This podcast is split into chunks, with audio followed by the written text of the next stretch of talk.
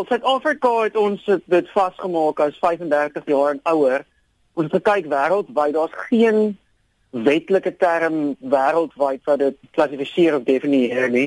Rondom 30 tot 40 jaar is wanneer gewingerd regtig nou weer half uit sy adolescent jare uitkom, wanneer hy begin besef wie hy is en wat hy wil doen. So as jy gaan kyk byvoorbeeld met 'n kultivar soos Samuel Blanc, die wingerd muteer van Samuel Blanc van die stokke na Samuel Grey toe wat 'n gryserige korrel gee.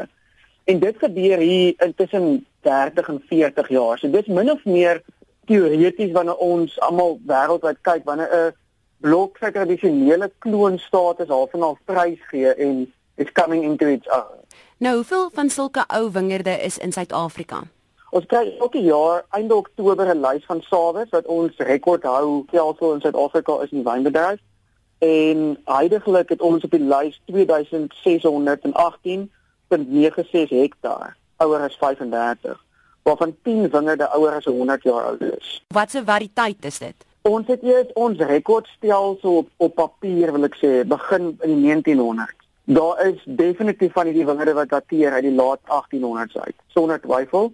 Soos ek gesê het, ons is besig om te werk aan 'n projek om die net te kan toets met 'n nuwe tegniek wat hulle het. So die oudste wingerde wat heidaglik op rekord by ons is 'n Sinsou wat 'n rooidryf kultivar is wat in die buitekant Wellington lê. Hy's 1900 geplant en dan so twee muskadelle wat ook in die 1900 geplant is. 1902, 1905 is daar Semio wat in die ou tyd genoem is Groendreis. Dan is daar so in 1908 'n uh, rooi muskadel en dan nog 1910s nog muskadelle. Is dit die ou wingerde gee hulle vir jou lekkerder wyn? Alle ou wingerde gee nie vir jou goeie wyn nie. Dit is 'n feit. Die feit dat dat daar wel dat ou wingerde 'n unieke wyn vir jou lewer wat meer gekonsentreerd is, is onbetwyfelbaar reg deur die wêreld. So wat gebeur met met 'n ou wingerd in sy druiwe en in sy wyn? So jong wingertjie is soos hy, dis is 'n tiener. Jy kan dit vergelyk met mense. Hy's vol energie, hy wil baie groei, hy wil baie dra. Die produksies is hoog en as hy nou, so jy wil nog uitgaan en jy wil nog 'n kuier half na. En as jy hier by 30, 35 jaar uitkom, dan is dit nou lekker as jy hom sommer jou pelle te braai by iemand se huis. So jou spoed raak 'n bietjie minder. En dieselfde met ou wingerde ook. Ouer wingerde het meer sagte aandag ook nodig. Jy kan nie net ingaan en gaan sny nie. Jy moet 'n uh, ou wingerd moet jy half en half skalp. Jy moet hom vorm. Elke stok is 'n individu waarna jy moet spesifiek kyk.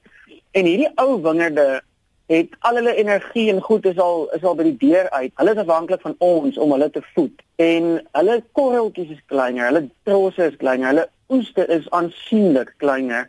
Ek praat van tussen 1 ton tot is die maksimum 5 6 ton hektaar in vergelyking met jong wingerde wat tussen 10 en 25 tot 30 ton hektaar dra. So die konsentrasie in die corals is net soveel soveel hoër.